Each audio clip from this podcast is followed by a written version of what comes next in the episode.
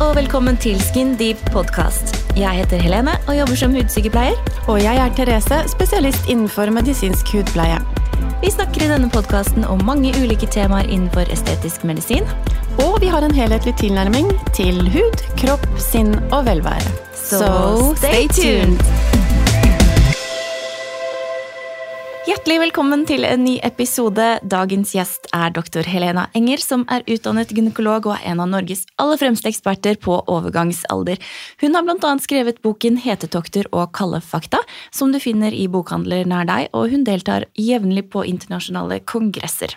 Men i dag er temaet tabuer rundt kvinnehelse, og med Helenas brennende engasjement og åpne vesen var det ikke vanskelig å be henne hit i dag. Det er en stor ære å ha deg her i studio, Helena. Tusen takk for at du kunne komme. Tusen takk for at jeg får lov å komme. Ja, Det er helt nydelig. Ja, fordi, fordi vi um, Du har et så brennende engasjement rundt kvinnehelse. Det er jo et tema som er veldig hett om dagen.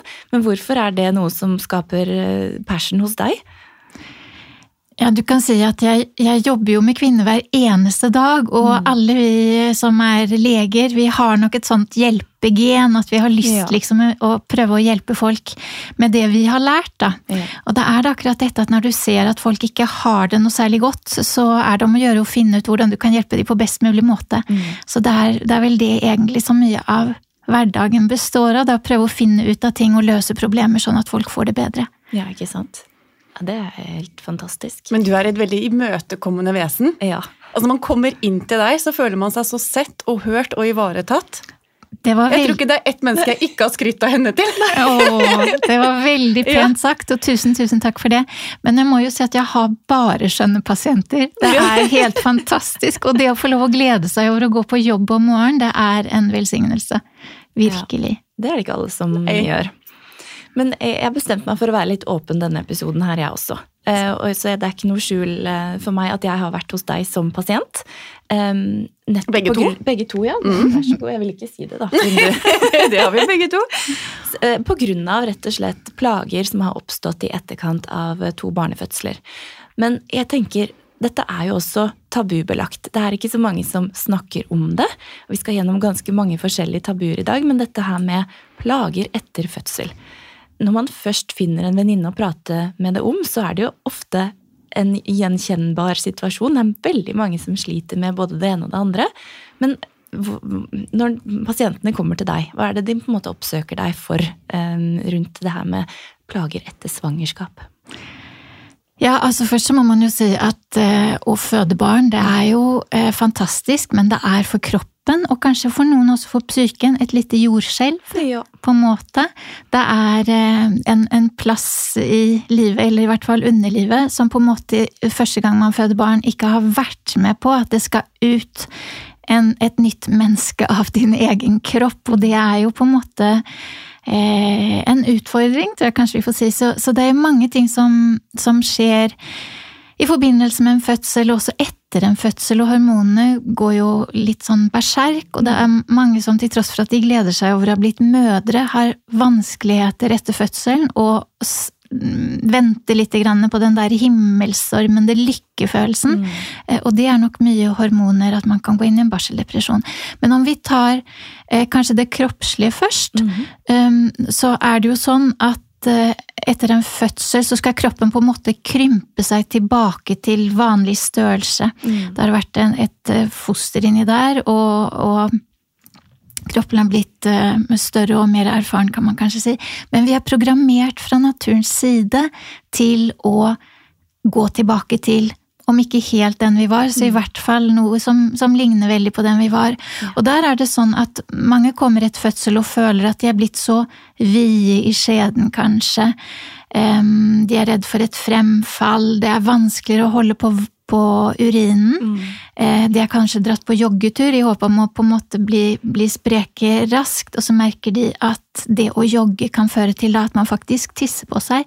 Og det er jo til dels sjokkerende ting. Mm. Men jeg pleier å si at det første året etter en barnefødsel mm. trenger kroppen på å begynne å krympe seg tilbake til til sånn som den var. Og så er det en del forandringer som blir værende etter fødsel, men det er sjelden sånn at man etter sin første fødsel har fått fremfall både av blære eller livmor eller hva det måtte være, og det er det mange som er redde for helt i starten. Ja, så, så, derfor så prøver jeg å trøste og si at om du fortsatt føler at det er ikke greit mm. etter ett år, og om det er sånn at du ikke skal ha flere barn, så kan man gjøre noen ting med det. Mm. Enten operativt, om man trenger å operere, eller så har vi jo da laser, for eksempel, som, som for de som føler seg vide, at man kan krympe litt grann, eh, med hjelp av laser. Men der må jeg si, da gi det litt tid, for mm. kroppen ordner det aller meste helt av seg selv. Eh, og så er det dette også med å, å, vite akkurat hvordan ting blir etterpå, spesielt vite også om pasientene blir helt fornøyde. Mm. Eh, som, som, er en utfordring, så man må være veldig tydelig på på en måte hva Ja. Trening er alltid bra. Trening er bra, og Tren... det er kanskje vanskelig, spesielt det her med knipeøvelser, liksom få det inn i hverdagen og alt ja. det der. Og det er kanskje ikke alltid man kommer i mål heller. Må inkorporere når du sitter i bilen. Jo da. Jo da. det er på det, da. akkurat det. Og det finnes kjempeflinke fysioterapeuter, og det er noen av fysioterapeutene som kan få tak i, i hvert fall, mm. en eh, sånn slags um, maskin som måler hvor hardt man kniper, hvor godt man slapper av. Eh, og det kan nok hos noen også være motiverende, kanskje, ja. at man ser. Og så finnes det apper eh, som, som For det òg. Ja, ja hurra, hurra, du har nådd målet ditt i knipring i dag. Så, så det finnes hjelpemidler. Men at, eh, at man kan ha plager etter en barnefødsel, det er helt klart. Men bare ett spørsmål i forhold til det. Har kvinnens alder noe å si på hvordan det går tilbake etter første fødselen? Eh, ja. Om hun er 20 eller 30 eller ja. opp mot 40, da. Jeg beklager for det svaret jeg gir nå, mm. men det er faktisk Det er det. Ja, ja.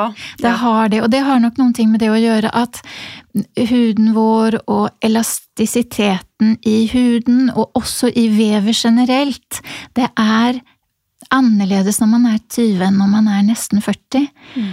Eh, så, så, det kan være litt forskjell der. Men dette er veldig personavhengig, så, så, det finnes kvinner som føder barn når de er nesten 40 år, og, og det er ingen som ser noe særlig. Og så finnes det de som kanskje har lagt på seg veldig når de har vært yngre, og da til tross for at de har en yngre kropp, sliter en del mer etter, etter etter en fødsel fordi at de føler at de er blitt veldig mye større.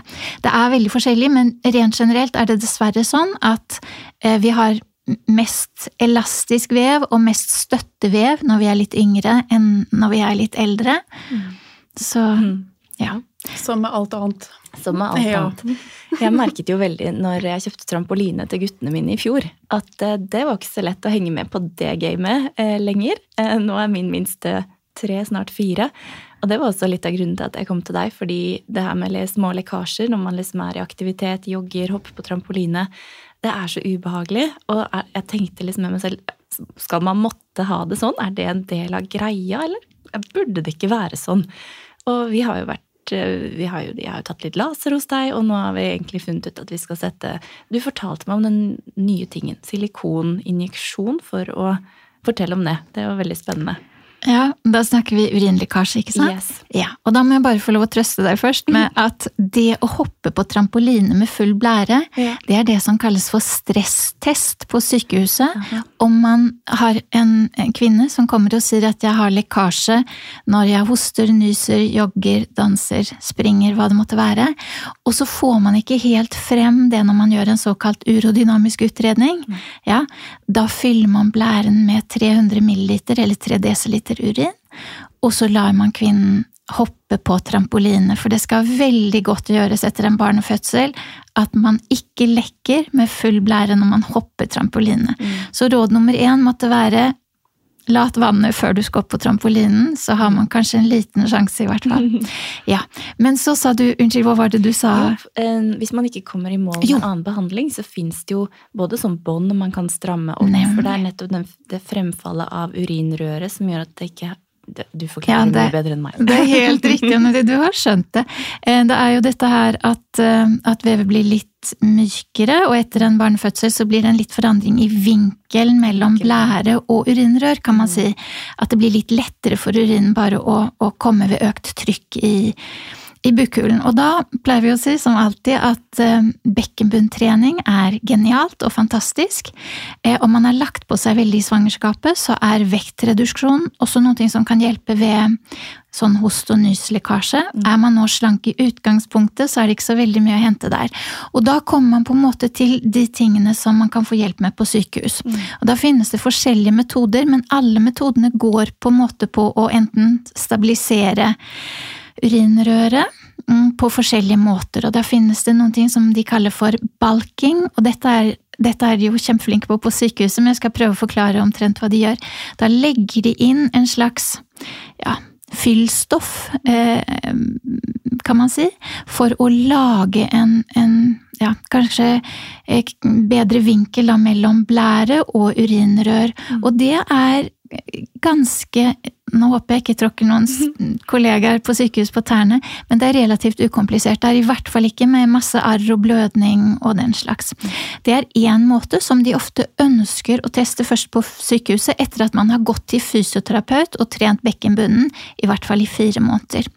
Om man ikke kommer i mål med denne balking, eller legge inn eh, fyllstoff for å, å, lage bedre forhold rundt urinrøret, eller fiksere det litt. Så fins det en operasjon som heter transvaginal tape. Og det er en fantastisk operasjon hvor man mm, fikserer urinrøret. Det er en operasjon som gjøres eh, med spinalbedøvelse, og det betyr at man får bedøvelse bak i i ryggen, mm.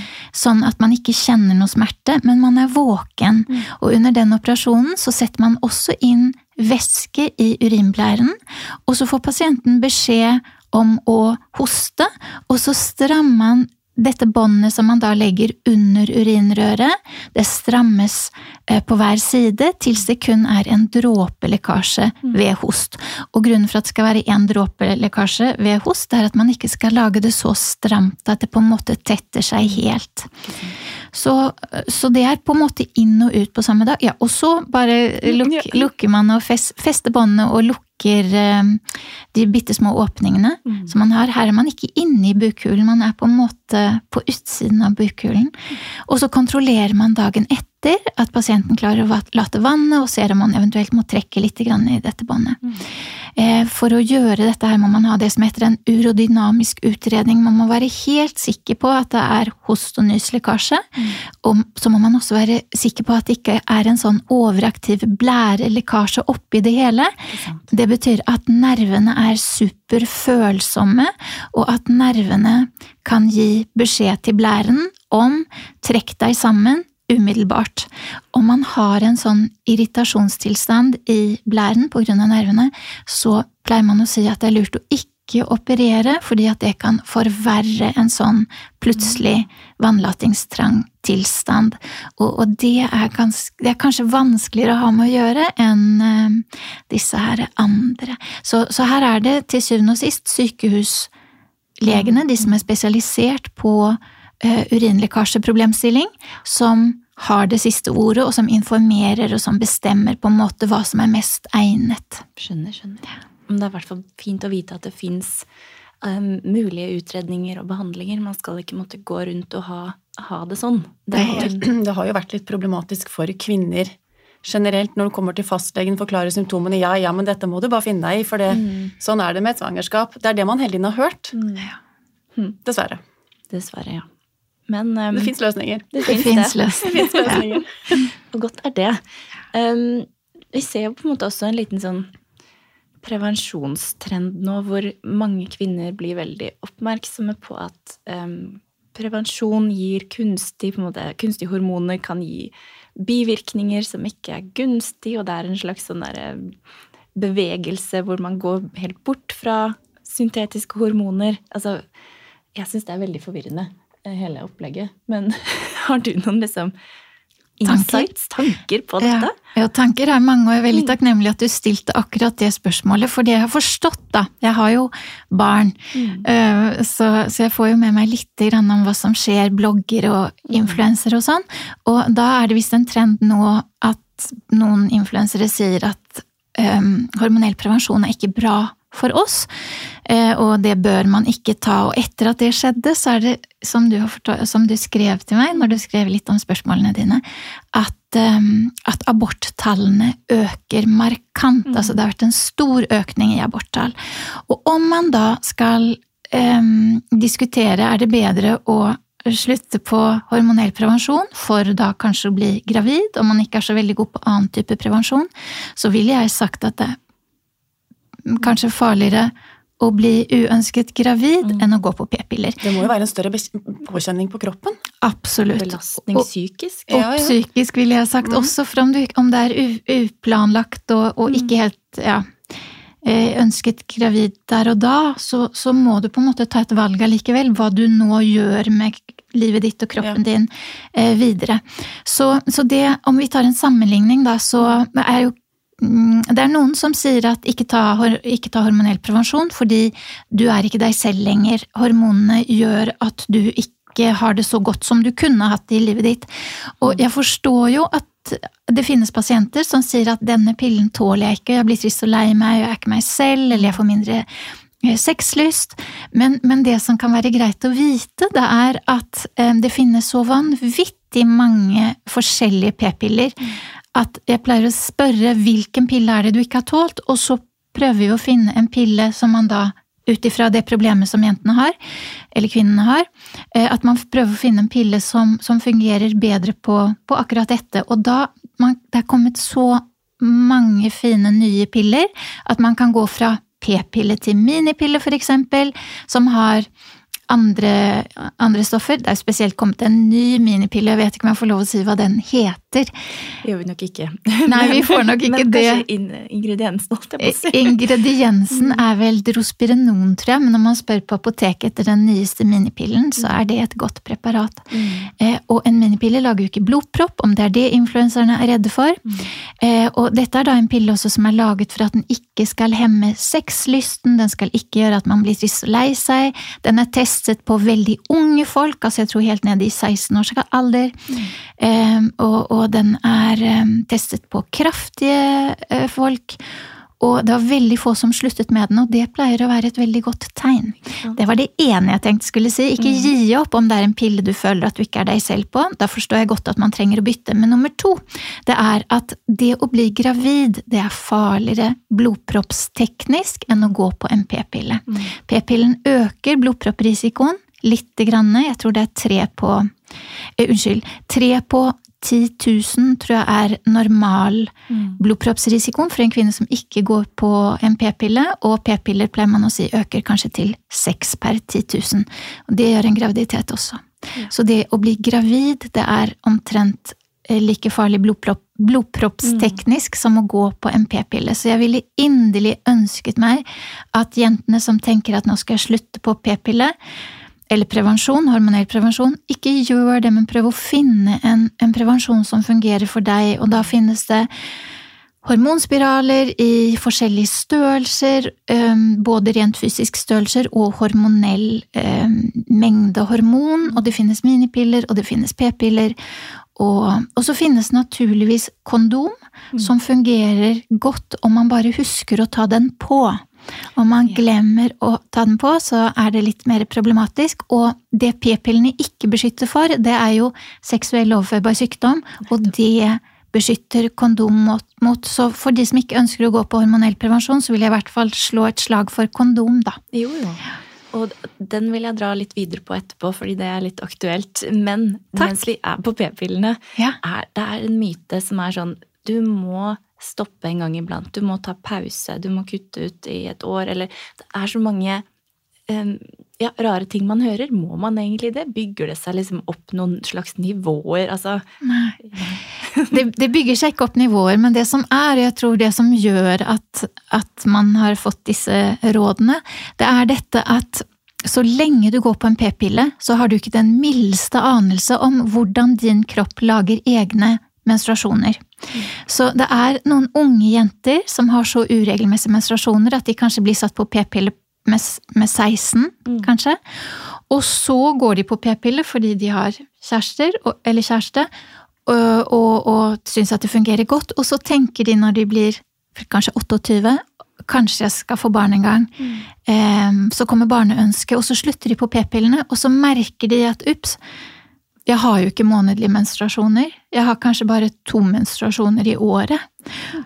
Og da sier det seg selv at det er litt vanskeligere å bli gravid når man har så sjelden menstruasjon, for en menstruasjon kommer jo alltid 14 dager etter en eggløsning. Mm. Og det er eggløsningen som må til for at du skal bli gravid. Mm. Ikke sant? Så, så, jeg lurer på kanskje om det er sånn at man, når man har gitt dette rådet, kanskje man skal stoppe på p-pille eller ta mm. pause innimellom, mm. at det går litt på hvordan funker kroppen min når jeg ikke lager kunstige p-pillemenstruasjoner. Mm. For menstruasjonene vi får på p-pille, det er en avbruddsblødning, og den er bare juks. Den har ingenting med det å gjøre om hvordan vår kropp lager mm. egne menstruasjoner. Så kanskje det er derifra, men at man trenger å slutte hyppig, det ville jeg ikke sagt, men har man gått på p-pille kanskje da i hva vet jeg, fra ja, si fem år eller mer, eh, og begynner å tenke at kanskje jeg en gang etter hvert har lyst å bli gravid, og lurer på hvordan funker det egentlig når jeg ikke går på p-pille, mm. det ville kanskje vært en grunn da for å ta en pause. Og da trenger man ikke ta kjempelang pause, da er det mer eller mindre Det vil alltid komme en en avbruddsblødning tre dager etter siste pille, så det er ikke en blødning som kroppen lager selv, mm. men den blødningen som kommer etter den, ja. den lager kroppen selv. Ikke og da sant? kan det bli litt rot sånn helt i starten, mm. um, så man får ha litt is i magen kanskje, men, men jeg tenker at kanskje det rådet med slutt på p-piller innimellom kan ja, stamme ut ifra en sånn tanke, da. Ellers er det ikke strengt nødvendig. Og er man 18 år og tenker at kanskje det er ti år før jeg ønsker meg barn, så er det ingen grunn til å ta p-pillepause. Men må man ha disse avbruddsblødningene, da, eller kan man bare drite i hele blødningen? Ja, det var veldig poetisk sagt. Det kan man absolutt.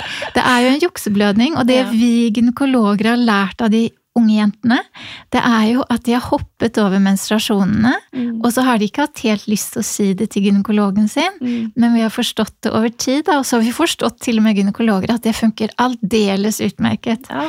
For mange. Så om man har menstruasjon hver tredje måned, eller om man har menstruasjon månedlig, det spiller ikke noen rolle for kroppen. Jeg tenker at det er lurt å ikke ha menstruasjon hver måned, fordi det er ganske eh, det er ganske raust av kroppen. Vi blør, noen blør mye, så vi, vi, gir jo ifra oss litt energi når vi blir lavere i blodprosent. Mm. Så jeg sier ofte til mine pasienter at du kan fint ha menstruasjon kanskje hver tredje måned. Og hvorfor sier jeg hver tredje måned? Jo, det er fordi at dagens p-piller er ikke laget i utgangspunktet for å ha menstruasjon bare hver tredje måned, og derfor er det noen jenter som får mellomblødninger mm. om de har menstruasjon sjeldnere enn hver tredje måned.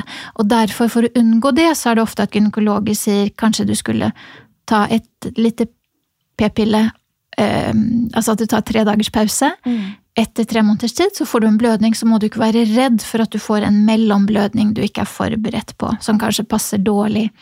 Avhengig av hva man har på klær, eller hva man mm. skal eh, gjøre. Så, så det er vel gjerne derifra. Men, men, det er noen som har blødning kanskje en gang i halvåret, og det fungerer superbra for dem. Og det fins noen som sier at jeg prøver å ha menstruasjon hver tredje måned men eh, det går ikke alltid bra, og av og til får jeg små blødninger før, og da bare tar jeg tre dagers pause, og så fortsetter jeg på brettet. Bare regulere det litt sjøl, rett og slett? Regulere det litt selv er lurt. Spennende. Jeg har lest en amerikansk studie um, som sier at p-piller kan redusere risikoen for eggstokkreft. Det er helt riktig. Men at progesterin, som er den syntetiske versjonen av progesteron, kan også føre til brystkreft. Ja. Det er, det er riktig. Og det man ser, det er en stor studie fra England som, som var eh, allmennlegenes GP, the GP study. Veldig mange jenter. Og det som er med brystkreft, det er jo at alder, brysttetthet og gener er største risikofaktorene for å få brystkreft. Og det betyr at unge jenter er ikke direkte i risikogruppen, så fremt de ikke har gener Eh, dette braka-genet, som ja. kan gi økt risiko for kreft både i brystene og i eggstokkene.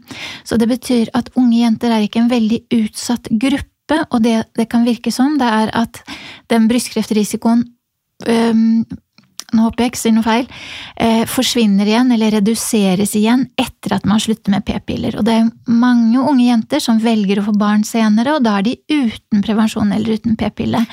Men gjelder det alle p-piller, eller er det visse merker som har høyere progesterin eller en annen form? Gjelder det alle? Det gjelder syntetiske gestagener, som ja. er de stoffene som prøver å etterligne vanlig progesteron som vi lager i våre eggstokker selv. Mm.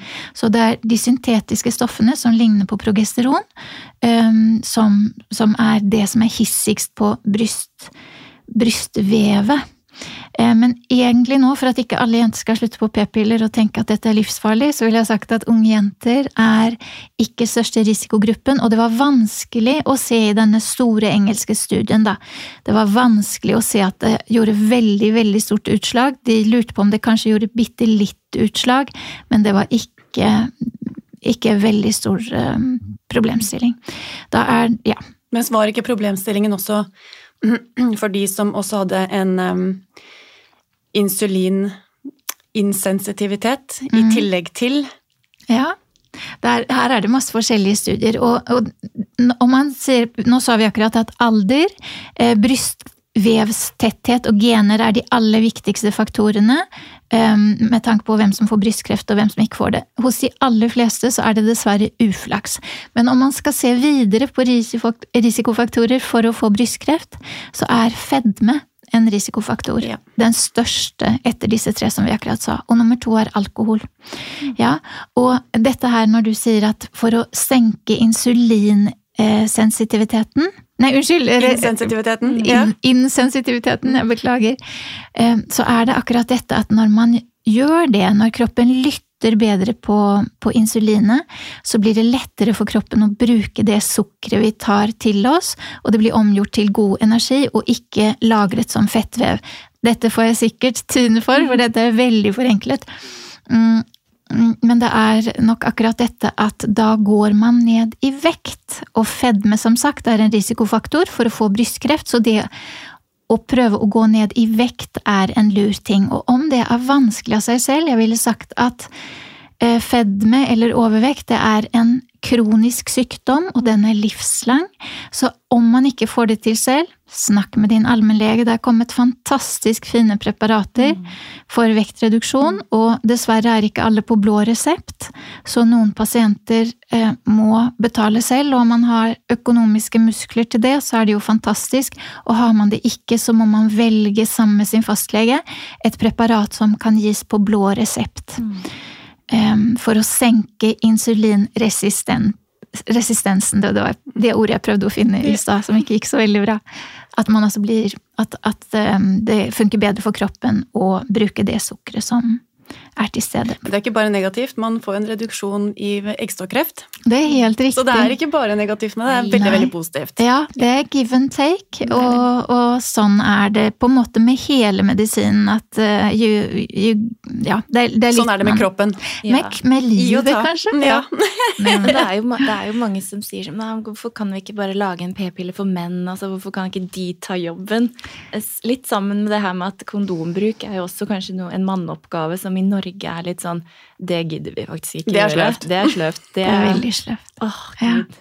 Hva skjer med norske folk og, og p-piller for menn og alt ja, sånt? Det er på gang. Ja. Det er på gang, og de holder på med studier. Altså, tar de den, da?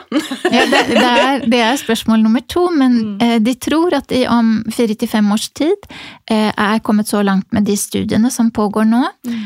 at, de, eh, at, de, snart har eh, prevensjon for menn. Og om jeg husker riktig, så er det en gelé. Og bivirkningene var mer sexlyst for gutta og større muskler. Oh, Gud.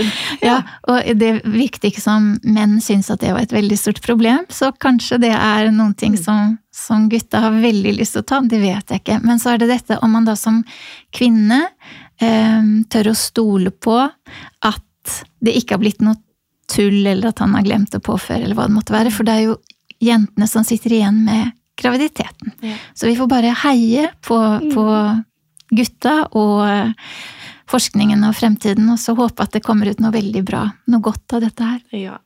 Absolutt. Du var jo litt inne på det her med kjønnssykdommer også. Ja. Og det er jo veldig tabubelagt eh, blant mange, og noe de fleste ikke snakker så veldig mye om. Men vi er jo på verdenstoppen her i Norge når det kommer til klamydia spesielt. Ja. Igjen, da, dette med kondombruk. Det kunne jo sikkert forhindret mye.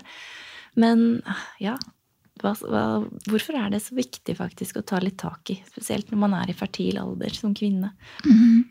Nei, det er jo akkurat dette at en klamydiainfeksjon eh, kan skape sammenvoksninger i egglederne. Mm. Ja? Og når man er ung, så er det største problemet man har, dette å ja, hvordan skal man si man, man ønsker å ikke bli gravid, og det er det de unge tenker på. En graviditet fremstår som som eh, veldig bekymringsfullt, ikke mm. sant.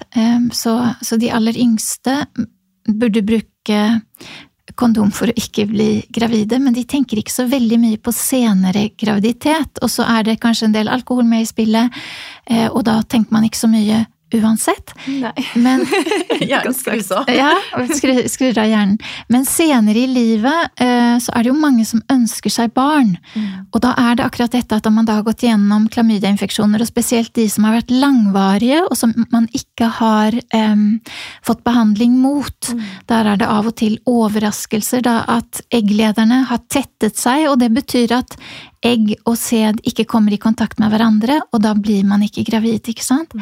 Mm. Da blir det IVF, altså at man trenger å få hjelp, at man henter ut egg, og at man henter ut sæd, og da setter det sammen utenfor kroppen og setter inn et befruktet egg. Mm. Eh, og det er jo på en måte da en slags siste utvei og, og noen ting man gjør når man har forstått at det går ikke på annen måte. Så eh, det er kanskje ikke det aller mest eh, romantiske på én måte, men det er en utvei da om man finner ut at dette går ikke på annen måte. Så det er bare spørs hvordan man skal prøve å motivere unge mennesker til å huske på på å bruke kondom. Jeg hadde jo mm. ønsket meg Jeg er, jeg er eh, oppvokst i Sverige, ja. og der var det liksom litt kult, spesielt blant de litt yngre gutta, å kunne vise at de hadde kondom i lommeboken. Og det var. Eh, kanskje helst før de ble seksuelt aktive, men kondombruk har en helt annen eh, flair i, i, Sverige enn i Norge, vil jeg påstå. Så kanskje om man kunne starte holdningskampanje blant de mm. yngste, at kondom er kult, og det er kult på en måte å bry seg om, mm. om eh, jenta også. Mm. Nå sa du at vi var eksperter på, eller lå på verdenstoppen mm. i one night stands kanskje ja, også. Det også. Mm. Ja, og det er nok en viss sammenheng her, men man ja. kunne jo ønske seg da at det i hvert fall blant de unge ble en diskusjon, at det faktisk er litt kult å ikke bare tenke på seg selv, men også på den man er sammen med. Og opplever man å få et eller annet grums etter en one night stand, så er det jo mange syns kanskje det er skummelt å gå til gynekolog, men behandlingene er ofte ganske enkle. Eh, så det er jo det er ikke noe å være redd for. Og jeg tipper mange har flere tanker når de kommer til deg om 'herre min, åssen ser jeg ut nedentil', hva tenker hun om det? Jeg tror du driter ganske langt i det sånn egentlig, hvordan folk ser ut. Ja, det, tro. altså Nummer én, gynekologer ser jo veldig mange forskjellige mm. kvinner, og vi er, vi er like forskjellige nedentil som vi er på en måte i utseende mm. ellers. Eh, så, så, det er noen ting jeg tror vi ikke reagerer på engang, fordi vi er mest opptatt av alt det andre, prøve å løse et problem, se hvordan det ser ut på ultralyd innvendig. Mm. Innvendig og sånn, så, så, akkurat utseendet er vi eh, veldig lite interessert av, så fremt det ikke er noen som kommer og sier det er noe som er galt med meg, jeg tror jeg må gjøre noen ting, jeg må mm. opereres.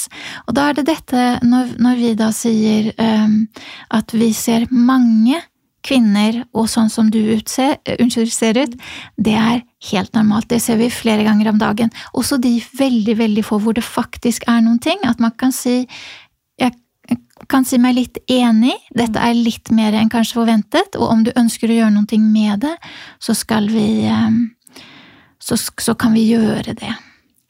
Så må jeg si én ting til om, om kjønnssykdommer. At om man nå er så uheldig å få en kjønnssykdom, så må jeg si at vi som gynekologer heier på alle som kommer, på alle som kommer og sier 'jeg er redd at jeg kanskje har fått noen ting', det føles litt annerledes, eller jeg er kanskje litt mer sår, eller tisser piggtråd eller mm. ingenting, eller bare sier at nå har jeg hatt, eh, vært sammen med noen som, som jeg ikke vet så mye om, kanskje. Mm. Eh, så dette vil jeg gjerne sjekke. Det er det lureste man kan gjøre, og vi er bare fulle av applaus og beundring for alle som kommer. Og det samme gjelder de som da er uheldige og har fått klamydia, for eksempel. Mm. Om de sier at uh, må jeg informere om dette her, eller de som sier jeg må kanskje ringe til han som jeg var sammen med. Ingenting er lurere enn det. Ingenting er snillere mot andre mennesker enn å si jeg har fått noen ting, og det er mulig at du kanskje har det også. Mm. Og det gjelder også herpes, men det kanskje vi kommer inn på senere. Bare ett spørsmål ja. i forhold til klamydia. Hva er forskjellen på symptomer på gutter, menn som får klamydia, kontra damer? Ja, eller jenter? For ja. det er Dessverre så har jeg et lite inntrykk av at jentene med sitt skamfulle seg Dessverre, de er skamfulle, det er ikke, de skal jo ikke ha det. Nei. Det er fort gjort.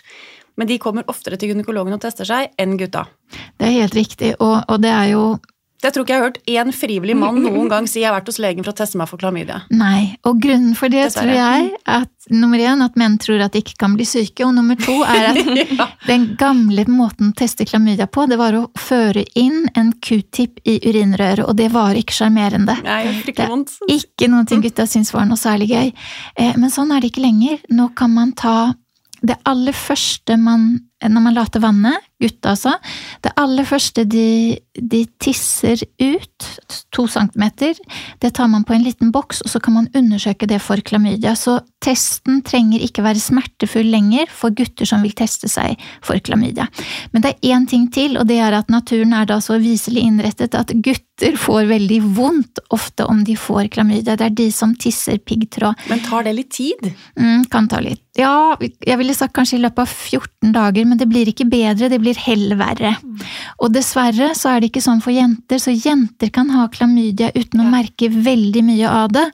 Og, og det er derfor det er så fint at veldig mange jenter er eh, Tar, tar hensyn til seg selv og egen kropp og til og med gutten eller den de har vært sammen med, at de ofte går og tester seg for sikkerhets skyld. Mm. Og der finnes det jo også klamydia-tester som man kan kjøpe på apoteket og, å ta selv, så man trenger ikke gå til gynekolog og ha kjempelang ventetid eller betale masse penger. Det er noe man faktisk mm. kan fikse selv om man går på apoteket og ber om en klamydia-test. Eller på nett, som ja, hjemme, sendes hjem, sendes tilbake. Nemlig. nemlig. Mm. Det er sant. Men du var litt Så gutter? På, ja. Therese var Ja, gørr, ja. Testere. Men vi var litt inne på herpes også. Ja. For det er jo en kjedelig ting å eventuelt eh, både ha og sitte igjen med etter, etter eh, å ha vært med noen nye òg. Men jeg har inntrykk av at veldig, veldig mange har det. Det er ikke så mange som snakker om det. Nei. Mm. Så fint at vi tar opp det også. Veldig, veldig bra.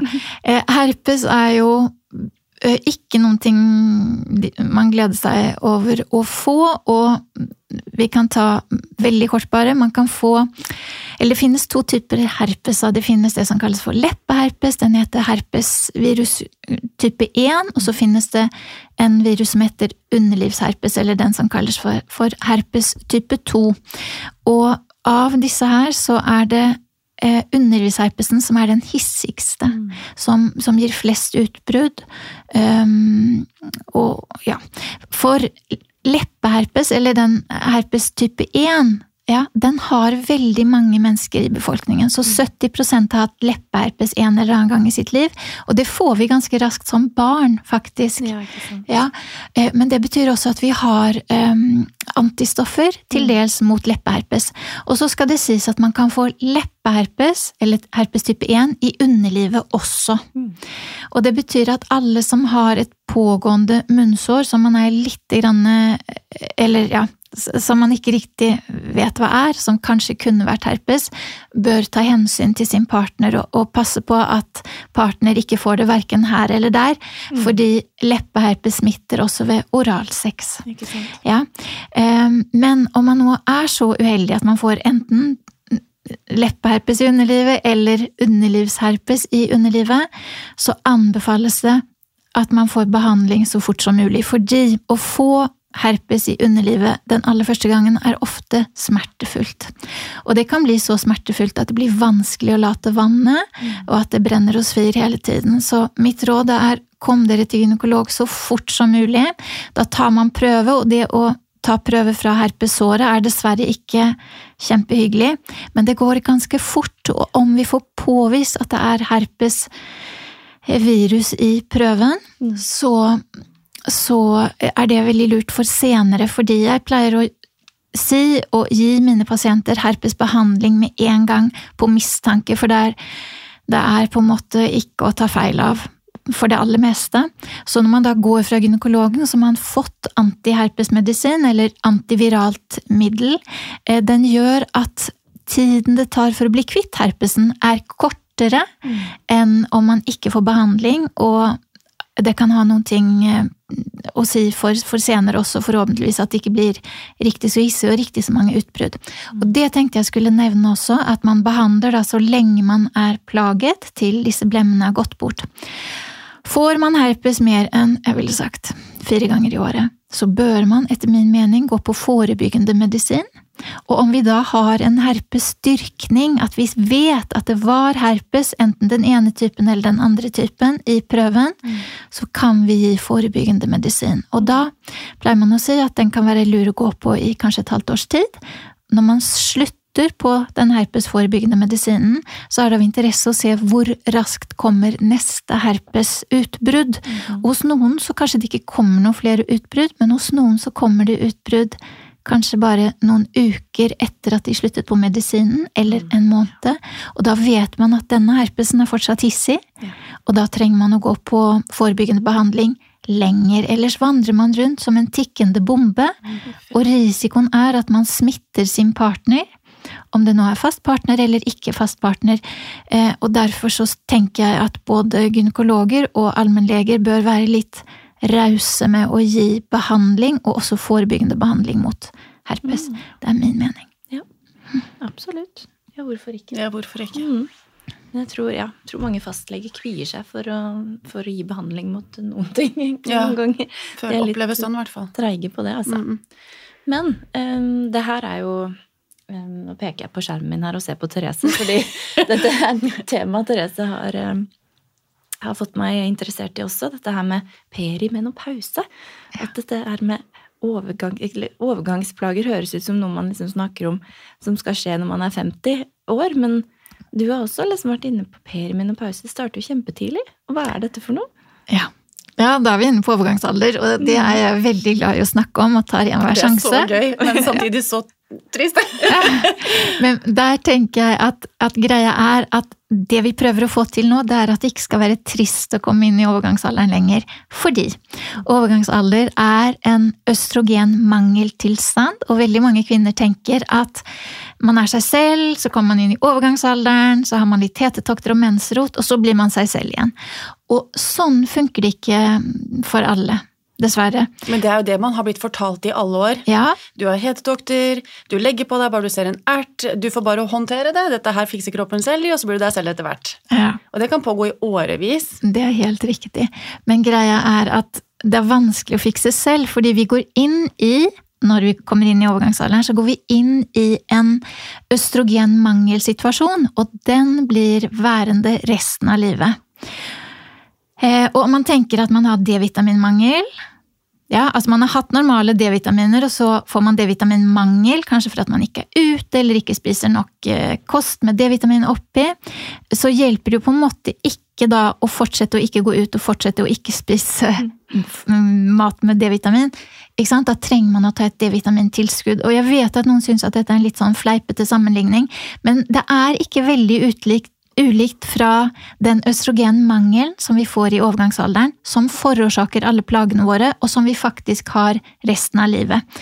Fordi denne eh, østrogenmangelen gjør i tillegg til at den kan lage hetetokter og, og at man blir trist og lei seg og, og litt sånn, så, så starter kroppen Unnskyld, jeg kan si det på en annen måte.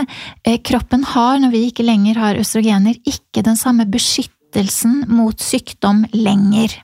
Ja, og, og, det er et problem, fordi jo lengre tid vi er uten beskyttelsen av østrogenet, eh, jo mer bygger kroppen ned seg selv, om jeg kan si det på en sånn måte. Så med eh, minkende østrogen så får vi økt risiko for åreforkalkning, hjerte- og karsykdommer, benskjørhet.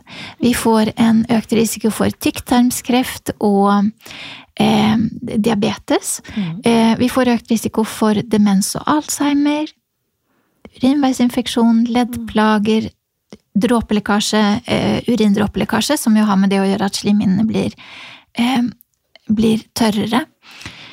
Um, og så blir vi mer trist og lei oss og sover dårligere om natten. Men da er det jo sånn at vi har en mulighet til å gjøre noen ting med det, for vi har mulighet å gi østrogen utenifra, enten som tablett eller den måten som jeg foretrekker, det er da gjennom huden. Og da må man i tillegg til å gi østrogen til alle kvinner som har en livmor, og det er jo de fleste, så må man gi et preparat som, som type progesteron, som er det vi lager i våre eggstokker, for det passer på livmorslimhinnen inne i livmorhulen, den som laget menstruasjon før. Eh, og det er vist at kvinner som går på hormonterapi, de har lavere dødelighet og de har lavere sykelighet enn kvinner som ikke går på hormonterapi i overgangsalderen. Og det betyr i klartekst faktisk at det er farligere å la være å gå på hormonterapi i overgangsalderen enn å gå på hormonterapi i overgangsalderen. Eh, dette må jo være enhver kvinnes valg, tenker jeg. Mm. Og det er noen av oss som har foreldre som ble 95 år og spreke som lopper både i kropp og, og sinn. Mm. Men det er noen som ikke er like heldige, hvor foreldrene har fått uh, diabetes og åreforkalkning og kanskje hjerteproblemer og sånn.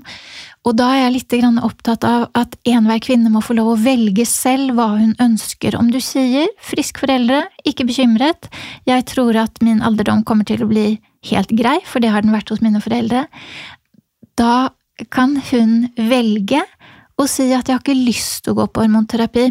Men sånn som det er i dag, eh, så vet kvinner for lite om overgangsalderen, og for lite om det som man kan gjøre mot overgangsalderen.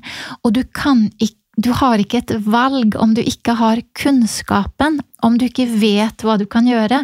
Og det er derfor eh, jeg er opptatt av at om du ikke forstår at den rotete menstruasjonen og hetetoktene og kanskje trist og lei seg-følelsen, eller bekymrethetsfølelsen, eller hjertebank, eller økende angst, eller leddplager, om du ikke forstår at det kanskje har med østrogenmangel å gjøre, og overgangsalder å gjøre, så kan du ikke velge å ta hormonterapi. Og Derfor har jeg et så inderlig ønske om nummer én, at dette skal bli noe som alle norske kvinner vet om. Mm. Sånn er overgangsalderen. Dette kan du gjøre for å få det bedre, både under overgangsalderen Eh, og senere for å få eh, kanskje en friskere alderdom. Mm. Og så i tillegg så vil jeg ønske meg at vi blir den generasjonen kvinner som sier overgangsalder, so what, som kan snakke mm. om dette uten bekymring og uten skam, og som ikke syns at det er et problem. Og her kommer det en til fleipete sammenligning. Men jeg tenker ofte når kvinnene sier 'jeg savner min menstruasjon', mm. så sier jeg det å være et blødende menneske, skal det være på en måte mer verdt enn å være et ikke-blødende menneske? Og jeg forstår jo til og med som gynekolog forstår at det er det man i alle tider har på en måte hengt eh, eller stilt opp sammen med de blødninger som menstruerende kvinner har, nemlig at man da er ung, og at man fertil. er fertil, mm. mm. osv., osv. Men jeg tenker at den østrogenmangelen i seg selv, den er tøff for mange, og om vi får fikset alle de plagene som kommer med overgangsalderen, så tenker jeg at da, da er du mer deg selv etterpå, og da er det ikke stor forskjell fra deg selv når du hadde menstruasjon, og at du nå ikke har det. Så, så, det er masse å gjøre her for de kvinnene som ikke har det bra, og jeg tenker jo at hormonterapi er en veldig god ting. Det må jo være forferdelig. Altså, man hører jo om kvinner som har vært i overgangsalder i åtte-ni år med hetetokter og legger på seg, spiser ingenting. Altså det, er, det må jo være en forferdelig tilstand å være i. Sure og grinete og deprimerte og angstfulle og Det kan jo ikke være en god situasjon å være i. Nei, for de som får det så ille, ja. så, så, tenker jeg også, kjære, kjære dere, snakk med gynekologen deres, og så, spør om ikke dere kan få prøve hormonterapi. Få det, eget, få det bra i eget liv. Det helt, ja, jeg er veldig, veldig enig. Og så er det akkurat dette her at eh, ut ifra Norsk gynekologisk forening sine retningslinjer, eh, så skal vi ha en kontroll med kvinnene sånn etter tre-fire måneder. Og de som har blitt startet på hormonterapi. Og det er Jeg har jo mange av disse jentene, eh, og det er veldig hyggelige kontroller, fordi man ser fra langt nede i gangen når kvinnene kommer på kontroll, at dette funket. De smiler fra øre til øre, og du skjønner på en måte at dette var bra for meg, jeg har det bedre, dette er noe jeg ønsker. Mm. Så, så, det er muligheter, og det er bare å informere seg. Eh, og finne ut så mye som mulig, sånn at man vet hva man har for valg. For du ja. kan ikke velge noe du ikke vet om. Det er sant. Så blir det hyggeligere for de rundt den. man blir enda mer sjarmerende. Det finnes en viss risiko for at man blir enda mer sjarmerende, ja. pleier å si til mine jenter. Men liksom, vi vet jo at både hud og alt mulig begynner så smått å forfalle fra man er 25. Um, er det sånn at så hormonene våre også liksom starter en slags nedadgående prosess fra så ung alder? Eh, Eller hva? På en måte Vi er, når vi er 24 år, til, så er vi på vårt aller mest fruktbare. Mm. Så naturen har jo laget oss på en måte, eh, kanskje under andre forutsetninger enn det vi har i dag. For allerede på 1850-tallet så var middels levealder for kvinnen, kvinner unnskyld, 50 mm. år. Og i dag er middels levealder for norske kvinner 85, 84 eller 85 år. Så jeg tenker at naturen har laget en kropp hvor den i utgangspunktet ikke kunne vite at vi skulle bli så gamle. Så for ja, flere hundre år siden så ble nok de fleste Jeg vil, vil tenke at de fleste opplevde ikke overgangsalder i gamle dager eller for flere hundre år siden. Og da, var, da, er det sånn at vi springer fortest, vi er mest fertile, huden er på en måte sprekest når vi er da rundt 24-25 år. Og etter det så blir det mindre. Og nå er det jo sånn at i dag så har vi så vittig mye vi kan hjelpe oss med, og det er jo så mange fine folk som er veltrente og velstelte, og vi har kremer og ja, om de har det bra psykisk også, så er jo ingenting bedre. Eh, men naturen har nok i utgangspunktet ikke tenkt at vi skal bli så gamle som vi blir i dag. Nei. Ja. Nei jeg er så, ikke helt stilt inn på det genetisk. Genetisk. mener jeg leste en eller annen ja. Det var da datidens alder. Ja, ikke sant? Alt etter det er en bonus. Ja, og 37 tenker vi i dag, eller litt avhengig av egen alder, så må jeg jo mhm. si at jeg tenker i dag at når man er 37 år, er man veldig ung. Og fresh. det fins mange freshe folk over 37 det år også. Det gjør det. Ja. Hmm. ja, men det er jo veldig spennende, da. Herre min. Hmm. Men Altså, det er jo så mye å ta her på denne lista. Ja, bra liste. Ja, bra liste, ja. jeg tenker vi må komme innom noe annet også som jeg tenker er veldig tabubelagt. Det her med uh, kvinner som opplever smerter under samleie, etter samleie. Hvordan Er det det vi kaller liksom endometriose? Er det liksom Nei, fortell. Ja, og jeg er så glad at du tar opp akkurat dette temaet. Eh, å ha smerter under samleie der finnes det en tilstand som kalles for vulvodyni.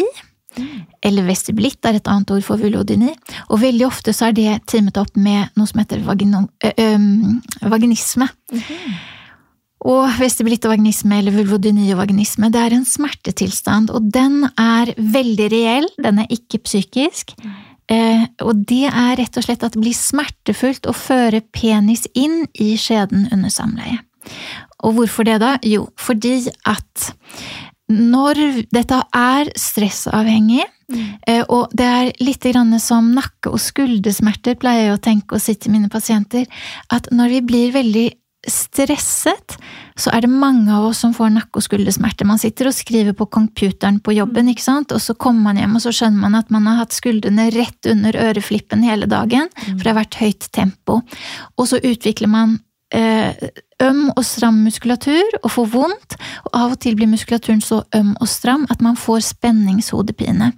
Og om man da flytter dette ned en meter omtrent, eller en mm. halv, eh, så er det akkurat det som skjer også ved denne smertetilstanden i underlivet. Mm. For vi når vi blir stressa, så er det noen som får nakke- og skuldersmerter i underlivet, da. Mm. Eh, og da blir det stram og øm muskulatur, og her er det en nerve som heter nervus pudendus, som går igjennom den stramme og ømme bekkenbunnmuskulaturen, og da blir den nerven skviset. Eh, om, om, det blir for trangt, kan man tenke, eller for stramt å komme gjennom muskulaturen. Da blir vi superfølsomme og veldig ømme rundt skjedeinngangen. Aller nederst i skjedeinngangen og øverst oppe ved urinrøret. Og det er dette som gjør i tillegg til den stramme muskulaturen, som gjør at det blir så smertefullt å føre penis inn. Og jentene sier det føles ut som det er altfor tørt og altfor stramt. Ja, og det føles nok sånn ut, men vi ser jo som gynekologer at det er ofte ikke tørt, det er bare den følelsen som denne nerveirritasjonen gir. Så sier jentene ofte at om, om han bare har kommet seg inn, så blir det litt bedre, og så er det noen som får, ikke har så veldig vondt, og som kan ha glede av, av samleie, men så sier de etter samleie er ferdig, da kan jeg gå og føle meg hoven og vondte og svi og, og være irritert i underlivet i alt fra timer til faktisk dager, litt avhengig av hvor ille man har dette her. Det er også jenter som har vestibulitt vaginisme som har så vondt at de ikke orker å ha samleie. Det kan jo bli vanskelig om man har en kjæreste mm. som man er glad i, som er glad i en selv også, eh, men det er også vanskelig for de jentene som ikke har kjæreste, for de tør ikke finne seg en kjæreste, for de vet at det blir et problem i det øyeblikket de skal ha Eh, seksuell kontakt eller før penis inn i skjeden. Ok, Men det finnes hjelp å få, da. Mm -hmm. Og en av de tingene som man kan gjøre selv, det er bekkenbunntrening. Og det man sier da, det er at man trener bekkenbunnmuskulaturen eh, med fokus på avslapping. Så vi pleier å si at man skal knipe for å lære hjernen at dette er et knip, men det som er aller viktigst, er at man fokuserer på avslappingen, for det er det som gjør muskulaturen frisk igjen. Og da pleier jeg å si at om man klarer å knipe og slappe av, tre minutter om morgenen og tre minutter om kvelden, eh, så i løpet av noen måneders tid pleier denne tilstanden å bli mye bedre. Dette kan man gjøre selv om man kniper og slapper av på riktig måte, eller man kan få hjelp av fysioterapeut. Og også her finnes det, som ved bekkenbunntrening, som vi snakket om før, finnes det apparatur som da kan vise hvor sterkt du kniper, og spesielt den, hos denne gruppen pasienter hvor flink du er å slappe av. Mm. Og det kan nok være positivt for mange. Eh, om man ikke syns at man får det til helt med denne bekkenbunnstreningen, så finnes det også kjempeflinke osteopater fokusert på smerter i underlivet, som faktisk kan gjøre jobben for deg, og det de gjør da, det er at de triggerpunktsmasserer den ømme muskulaturen i underlivet. Ut utifra, man ligger på siden på en benk, og så jobber de med muskulaturen kanskje fem centimeter fra øh, skjedeinngangen og endetarmsinngangen, så muskulaturen bekkenbunnen i underlivet utifra, de er ikke absolutt inne i skjeden. Uh, og så tøyer de muskulaturen, Triggerpunktsmasserer tøyemuskulaturen. muskulaturen, så eh, driver de med akupressur mot disse nervene som er ømme, og så i tillegg passer de på at leddflatene i hoftene står ordentlig mot hverandre, for det kan også gjøre at det blir drag i muskulaturen. Så det er også en veldig effektiv behandling, gir rask bedring, og så må man da over til å trene selv etter hvert, om det blir avspenningsøvning med pusting og sånn, eller om det blir bekkenbunntrening etter at man føler at man har fått litt troen tilbake på at dette skal bli bra, og mm. klarer å trene bekkenet sitt selv etter hvert. Det er forskjellige muligheter, men, men, mange kvinner, veldig mange flere kvinner som har dette her, enn vi tenker. Mm. Ja, faktisk. Og jeg tror at jeg personlig, dette er min mening, dette eksploderte sånn rundt 2005 en gang. Da kom stringtrusene til Norge. Eh, og stringtrusene kan irritere i disse nervepunktene i skjeden, så jeg tror at det kan være en medvirkende årsak. I tillegg så sier jentene ofte når jeg spør bruker du stringtruser, så sier de jeg brukte det før, men det er altfor vondt å ha på seg nå. Så det er litt som hønen og egget. Mm. Stress kan føre til dette her, men irritasjon da i disse punktene kan nok også irritere og føre til muskulær spenning, og så er man på en måte i gang. Så bare man får hjelp, tenker jeg, så kan det være det samme akkurat hva som skjedde. Det er nettopp det. Jeg tror altså, løsningen på de fleste problemene er å gå til en fagperson og få hjelp, fordi du vet jo om et hav av muligheter som ikke vi vet om. Mm. Det burde, som du sier, burde vært mer opplyst om, eh, sånn at folk slipper å gå hjemme med plager og ah, ja, unødvendig stress. Ja, veldig enig. Eller snakk med noen, og så kanskje det er mm. noen som har hørt at det finnes hjelp å få. Eller søk på internett. Men bare, man må være litt forsiktig når man googler, fordi ja. der er det eh, mye forskjellig man kan få, få høre. Men, men snakk med noen, og om du ikke har noen andre å snakke med, så snakk med din gynekolog, så får du hjelp. Mm, det er sant. Jeg tror vi har vært gjennom det meste. PCOS. Ja. Skal vi snakke om det også? Vær så snill. Ja. Bare bitte kort litt innpå. Ja, ja, vi kan snakke om to ting til, for du nevnte også endometriose i stad. Ja. Veldig kort. PCO, eh, polysystisk ovarium, det er eggstokker som er programmert til å lage mange små egg, heller enn ett stort egg som lager eggløsning en gang i måneden. Eh, så har man eggstokker som er flinkere på å lage mange små egg enn ett stort en gang i måneden, så kan man få litt sjeldne menstruasjoner, og da pleier man å si at de kommer eh, senere enn hver femte uke. I tillegg så har kvinner med PCO ofte litt høyere, eller kan ha i hvert fall litt høyere testosteronverdier enn kvinner som ikke har PCO, eh, og det kan føre til at man spesielt som ungdom blir litt mer plaget med akne og hårvekst. Når vi som gynekologer ser på eggstokker, så ser vi jo ofte hos PCO-jenter at de har kanskje mer enn 20 eh, eller 25 mm, små egganlegg, heller da enn det vi er mer vant til, at det er én stor eggløsning og så kanskje noen få rundt omkring. Så, så, det er på en måte en kombinasjon av fors forskjellige disse forskjellige tingene som vi har snakket om, som, som, gjør at man kan tenke at dette kanskje er PCO. Man skal passe seg for å stille den diagnosen for tidlig, fordi eggstokker til unge jenter kan se annerledes ut enn de vil gjøre når de er litt eldre. Så jeg tror før 20 års alder bør man i hvert fall ikke stille en sånn diagnose, og egentlig tenker jeg kanskje før 25 bør man ikke gjøre det heller, for det utløser en del bekymring hos jentene. Og den går mye på dette her Kommer jeg til å bli gravid senere i livet? Og da er det spørs hvor, hvor, tidlig skal man på en måte skape den typen av bekymring hos folk som ellers hadde levd mm. ubekymret til den dagen hvor de tenker at nå har jeg lyst til å bli gravid. Og da tenker jeg at har man funnet den man har lyst til å bli gravid med, så pleier gynekologer å si ikke vent for lenge, ikke vent til du blir 38 før du begynner å tenke tanken, for da har vi så lite tid igjen å hjelpe mm. om noen trenger hjelp. Men å begynne å bekymre seg for om man blir gravid når man er 22, når man tenker at kanskje ikke jeg skal ha barn på ti år uansett, det er det ikke så veldig stor grunn for. Så er det én ting til, og, og, det er med tanke på PCO, så er det mange som er bekymret da med tanke på livmorslimhinnen inne i livmorhulen, om det blir litt sjeldne menstruasjoner, det kan lage litt krøll, det vet gynekologer. Um, dette her med graviditet eller ikke, um, blodfettene våre, altså kolesterolstoffene i blodet og hvordan kroppen bearbeider sukker sukker kan også bli et problem hos jenter med PCO. Så der er en av de tingene man kan anbefale, er at man prøver å holde vekten, for overvekt lager litt problemer i samme gate. Og så ville jeg sagt ikke ta bekymringen på forskudd, for PCO er mer en tilstand enn en sykdom, ville jeg sagt. Veldig ofte... Det er et syndrom, sier de jo. Det, ja. det, er ikke alle som har syndromet, fordi da skal du egentlig ha høyt blodtrykk og dårlige fettstoffer og, mm. og høye sukkerverdier i tillegg.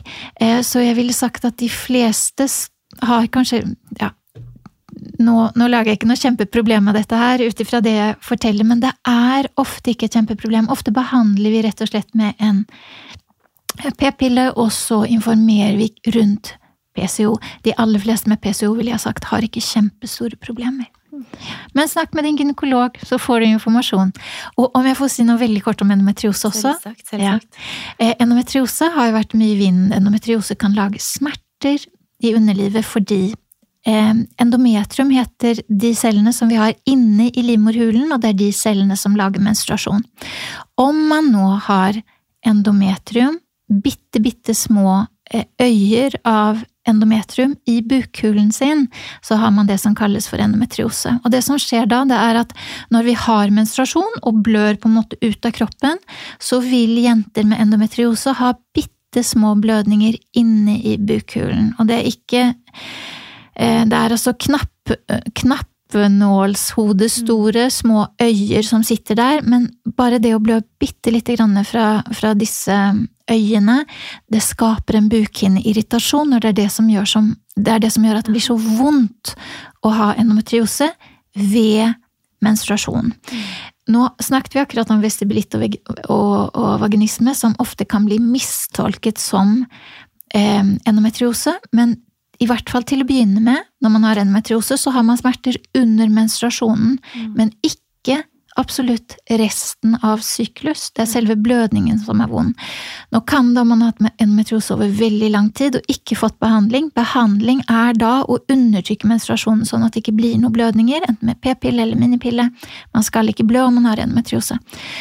Um, om man har hatt endometriose veldig lenge, så kan man nok få sammenvoksninger, og kroniske smerter er noe som fører til muskelspenninger. Så her er det mange feilskjær, på en måte. Å finne ut om man har endometriose, da må man enten se at man har det vi kaller for sjokoladesyster på eggstokkene, det ser man på ultralyd, eller så må man kikke inn i maven for å se om man kan se endometriose inni bukhulen. Og da tenker jeg det vi kan gjøre, det er å informere alle jenter om at menstruasjon skal ikke være så vond at man skal være hjemme fra skolen. Flere dager hver måned. Det er for mye. Da bør man undertrykke den, den menstruasjonen, fordi at vi som gynekologer tenker at vi kan ikke utelukke at ikke det er endometriose. Så jo færre blødninger, jo mindre smerter og jo mindre sammenvoksninger og krøll blir det. Så tenker jeg da kan man gå på menstruasjonsundertrykkende prevensjon mm. frem til det tidspunktet der man begynner å bli voksen og tenker at kanskje en gang i fremtiden ønsker jeg meg barn. Og når man begynner å interessere seg litt i denne retningen, så kan man heller se, når man da slutter med p-pillene, hvor vondt blir det, og så prøve å bli gravid så fort som mulig. Fordi graviditet er behandlende for endometriose. Det er også amming, og det er også hormonspiral, p-pille, minipille.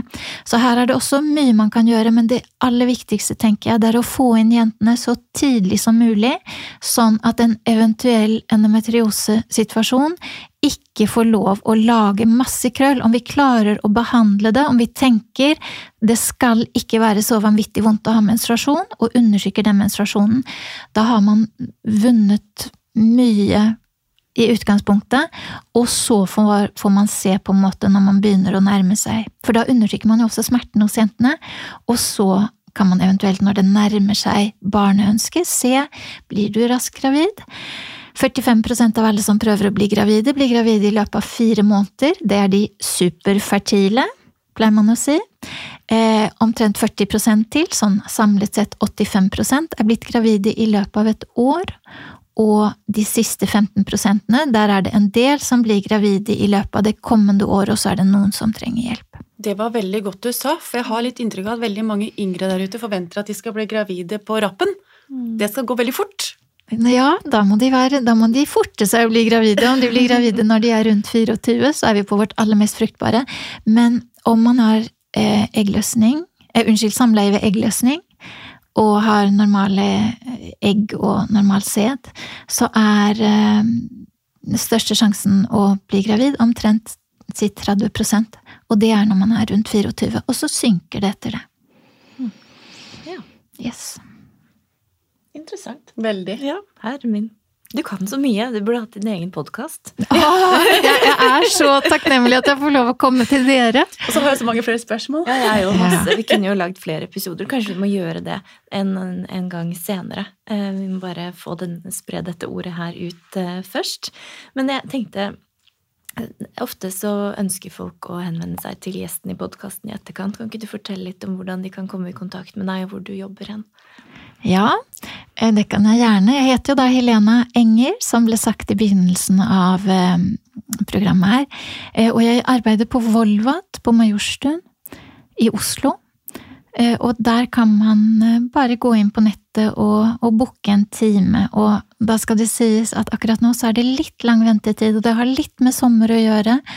Um, så, så, man må ha god tid. Og om man har veldig dårlig tid, så vil jeg anbefale å gå inn tidlig om morgenen og se etter avbestillinger, ja, fordi det skjer av og til. Og om det er noe veldig akutt, og det ikke er time ledig hos meg, så har jeg kjempeflinke kollegaer, så det ingen jeg ikke kan anbefale på, Vol på Volvat og gynekologene. Jeg får si det på en annen måte, ikke med dobbel negasjon. Jeg kan anbefale alle mine fine kollegaer ja. på Volvat i tillegg, om det er noen som trenger hjelp. Det er jo en grunn til at du har ganske fulle lister. Du er jo enormt dyktig. Eh, og, ja, og du er så god. Det er så hyggelig å komme til deg. Og, nei, ja, det er ganske ivaretatt, ivaretatt og hørt ja. og sett og varme. Man får varme. en sånn Nesten si deg en klem. Ja. Det var veldig pent sagt, og tusen takk. Og så lurer jeg på kanskje om jeg kan få komme tilbake en gang i uken, for så vakre ord er det sjelden jeg hører. takk. Tusen hjertelig takk for tiden din. Det var enormt hjelpfullt. Jeg tror nok veldig mange kvinner vil ha glede av eh, å høre på deg som gjest i dag. Så tusen takk. Tusen takk. Og takk til dere.